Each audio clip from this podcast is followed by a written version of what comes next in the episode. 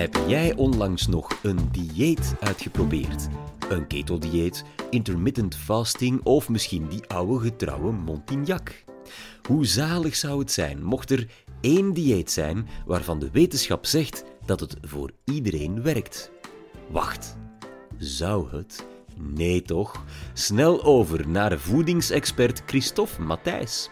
Wat is nu eigenlijk het beste dieet? Dit is de Universiteit van Vlaanderen.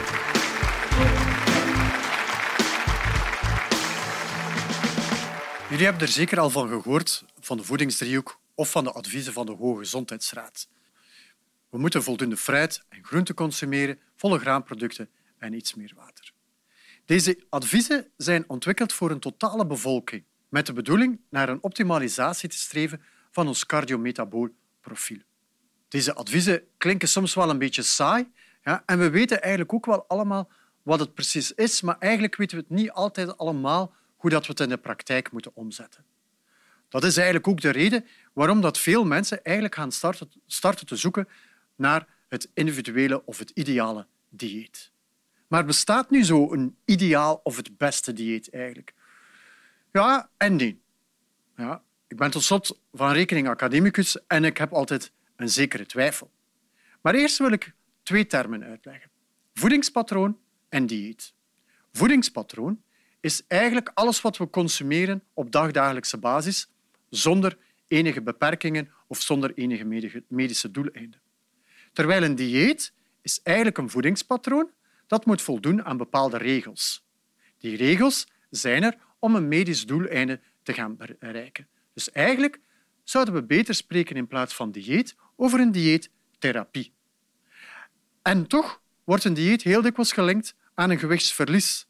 Maar eigenlijk is een dieet, of beter gezegd een dieettherapie, eigenlijk veel breder dan alleen maar gewichtsverlies en wordt eigenlijk dieettherapie in heel veel pathologieën toegepast.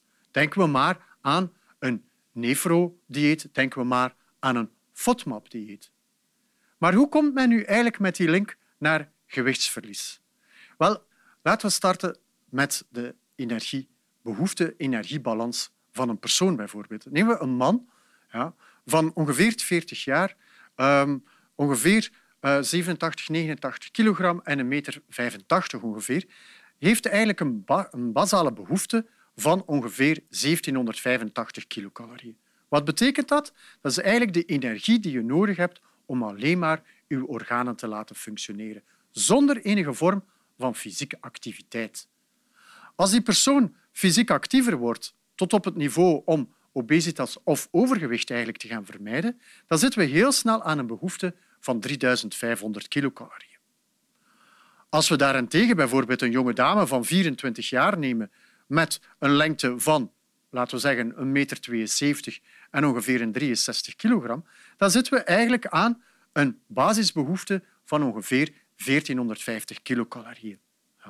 Als deze jonge dame een periode heeft waarin ze minder fysiek actief is, ja, dan heeft ze eigenlijk maar een 1910 kilocalorieën per dag nodig. Toch wel een groot verschil tussen het voorbeeld van deze jonge dame en de, de man. Maar waar is die energiebalans eigenlijk op gebaseerd, of die energiebehoefte? Wel, in eerste instantie is de energiebalans gebaseerd op de eerste wet van de thermodynamica. Die wet van de thermodynamica die zegt dat er nooit energie verloren gaat. Dus dat betekent als ik te veel voeding ga consumeren, dan zal ik in gewicht toenemen. Als ik te weinig ga consumeren, dan zal ik gewicht gaan verliezen. Toch? Die energiebalans is complexer dan alleen maar de eerste wet van de thermodynamica. En de hormonenhuishouding zal een heel belangrijke rol gaan spelen. Ik geef een voorbeeld. Je neemt bijvoorbeeld een ontbijt bestaande uit twee donuts en een tas koffie en je zit snel aan 500 kilocalorieën voor ongeveer 150 gram. Daarnaast heb je ook bijvoorbeeld een ontbijt uit ontbijtgranen, ja, met bijvoorbeeld een eitje, nog wat fruit en een koffie bijvoorbeeld. En je zal ook aan 500 kilocalorieën komen, maar met een gewicht van ongeveer 400 à 500 gram. Ja. En wat gaat er gebeuren, is door het uh, ontbijtgranen ontbijt, ga je eigenlijk een veel langer gevoel van verzadiging krijgen en ga je minder snel honger krijgen dan in het donutenontbijt. En dat is eigenlijk de rol van de hormonen. Dus je ziet dat eigenlijk ons totale energiebalans door veel meer wordt beïnvloed dan alleen maar die eerste wet van die thermodynamica. Maar diëten dus. Het is reeds in 1558 dat als het boek The Art of Living Long gepubliceerd wordt, waarin men eigenlijk de eerste keer spreekt over dieet. Terug met een focus eigenlijk naar gewichtsverlies. En het is sindsdien dat men eigenlijk dieet gaan associëren is met gewichtsverlies. Het is pas in de 19e en in de 20e eeuw dat eigenlijk een pijlsnelle vlucht volgt van de verschillende diëten. Er is William Banting, die eigenlijk de eerste was om het exclusiedieet te introduceren. Het exclusiedieet ja, betekent eigenlijk dat je één voedingsstof of één voedingscomponent eigenlijk uit je voedingspatroon gaat verwijderen. William Banting, jij introduceerde het laag koolhydraat en hoog eiwittendieet. Ja. Dus je ben kon je heel veel eiwitten consumeren. Dus denken we maar bijvoorbeeld aan puur vlees, maar bijvoorbeeld geen wortelen ja, of geen charcuterie gaan consumeren. Nu, het benting is eigenlijk nog heel, heel sterk populair, voornamelijk bijvoorbeeld in Zuid-Afrika, waar je zelfs bepaalde restaurants hebt naar deze naam. Het benting kan je een beetje vergelijken met de huidige trend van de keto-diëten. Ja, het is een vorm van een exclusie, ja, waardoor dat je het een of het andere gaat gaan promoten. Maar wat is nu wel interessant of positief aan het benting, is dat het een vorm van bewustwording eigenlijk gaat gaan creëren wat men eigenlijk aan het consumeren is. In de jaren twintig van de vorige eeuw, de Roaring Twenties eigenlijk, ja, dan werd het slankheidsmodel eigenlijk naar voren geduwd. En heel veel initiatieven werden gelanceerd. Denken we maar bijvoorbeeld aan het gebruik van laxatieven, het gebruik van sigaret in plaats van een snoepje, om toch maar ehm, het gewicht te gaan verliezen of om aan gewichtsbouw te doen. Maar in die periode heeft men ook het calorietellen eigenlijk geïntroduceerd. Calorietellen, voor de ervaringsdeskundigen onder jullie, toch wel gekend of gelijkaardig aan het concept van de Weight Watchers. Ja. Maar wat is nu positief aan dat concept? Is eigenlijk dat je met calorietellen ook terug weer bewustwording gaat gaan creëren. Maar gewoon calorietellen is eigenlijk alleen maar een energiereductie. En een energiereductie is niet noodzakelijk gelijk aan een gezond dieet. In de jaren 30 ging men terug verder met de exclusiediëten. En William Hay lanceerde eigenlijk het feit dat men koolhydraten en eiwitten niet tegelijkertijd mag consumeren om toch een zekere rust aan ons gastrointestinaal stelsel eigenlijk te geven. Dus ons spijsverteringsstelsel. Terug hier. Ja, interessant dat men effectief bewust wordt, maar eigenlijk wel heel moeilijk omdat je moet weten, als we naar al die voedingsmiddelen gaan kijken, ja, in elk veel voedingsmiddelen zit zowel bijvoorbeeld uh, eiwitten, lipiden, dus vetten, als koolhydraten. Dus zeker niet gemakkelijk. In de jaren 50 gaat men verder met de exclusiediëten. En het extreme voorbeeld is eigenlijk een koolsoepdieet. Een koolsoepdieet is, je mag alle dagen koolsoep consumeren. Maar dag 1 is bijvoorbeeld koolsoep ja, en fruit. Dag 2 is koolsoep en groenten, maar geen bonen en geen fruit. En zo verder. En zo ga je natuurlijk verder met je koolsoepdieet. Het is geen wonder dat je op dat moment eigenlijk gewicht gaat gaan verliezen, want je eet amper iets. Maar op zich is het niet zo belangrijk naar dat gewichtsverlies te gaan kijken. Het is veel belangrijker om een voedingspatroon te vinden die je leven lang eigenlijk kan uithouden om naar een gewichtsbehoud eigenlijk te streven. Springen we naar de jaren 60, jaren 70 van de vorige eeuw, dan zijn er een aantal belangrijke onderzoeken, zoals bijvoorbeeld de Seven Country Study. En die Seven Country Study hebben onder andere een negatieve schijn gegeven over alles wat met lipiden te maken heeft. Ja. En het was dan ook in die jaren 60, 70 dat het Atkins-dieet eigenlijk als een bom insloeg. Ja. Atkins was ook terug op basis van eigen experimenten, gewichtsexperimenten en dieetexperimenten, gekomen tot een voedingspatroon laag in koolhydraten, maar zeer rijk in vet. Ja. En dat natuurlijk in die periode sloeg dat in als een bom, ondanks het feit dat eigenlijk maar de grote populariteit van zijn dieet eigenlijk ontstaan is in de jaren 2000 bij de heruitgave van zijn boek. Het is ook in die periode dat eigenlijk het dieet, het Atkins-dieet, een aangepaste vorm daarvan, werd toegepast bij patiënten, bijvoorbeeld in het ziekenhuis. En dus zie je eigenlijk een mooi voorbeeld van een dieet dat evolueert naar een dieettherapie. Als we dan gaan kijken naar de jaren 80, dan zien we eigenlijk de opkomst van de goeroes. En mevrouw Mezel was een van die uh, goeroes. En mevrouw Mezel was in de leer geweest bij meneer Hey. Je weet, uh, het combineren van uh, componenten. En die ging eigenlijk nog een stapje verder. En het was eigenlijk ja, de volgorde van voeding die we eigenlijk gingen gaan consumeren. Ja, om terug onze enzymen niet in de war te brengen. Nu, maar wat er wel belangrijker was bij het werk van mevrouw Mezel, was eigenlijk het feit dat ze structuur ging aanbrengen ja, in het voedingspatroon. En dat is uiteindelijk iets wat we nog altijd heel veel gaan gebruiken. Structuur aanbrengen, zodanig dat het duidelijk is wat mensen mogen consumeren, kunnen consumeren en zo verder. Komen we eigenlijk in de jaren 90 en waarschijnlijk de mensen die al iets meer levenservaring hebben, ja, zullen misschien Montignac wel kennen. Ja. Montignac gebruikte eigenlijk verschillende componenten van de over de jaren heen. Ja. Hij had ook besloten dat er uiteindelijk geen koolhydraten met vetten, dus een broodje met kaas bijvoorbeeld, zoals daar onderaan ligt, ja, mag je eigenlijk uh, niet gaan consumeren.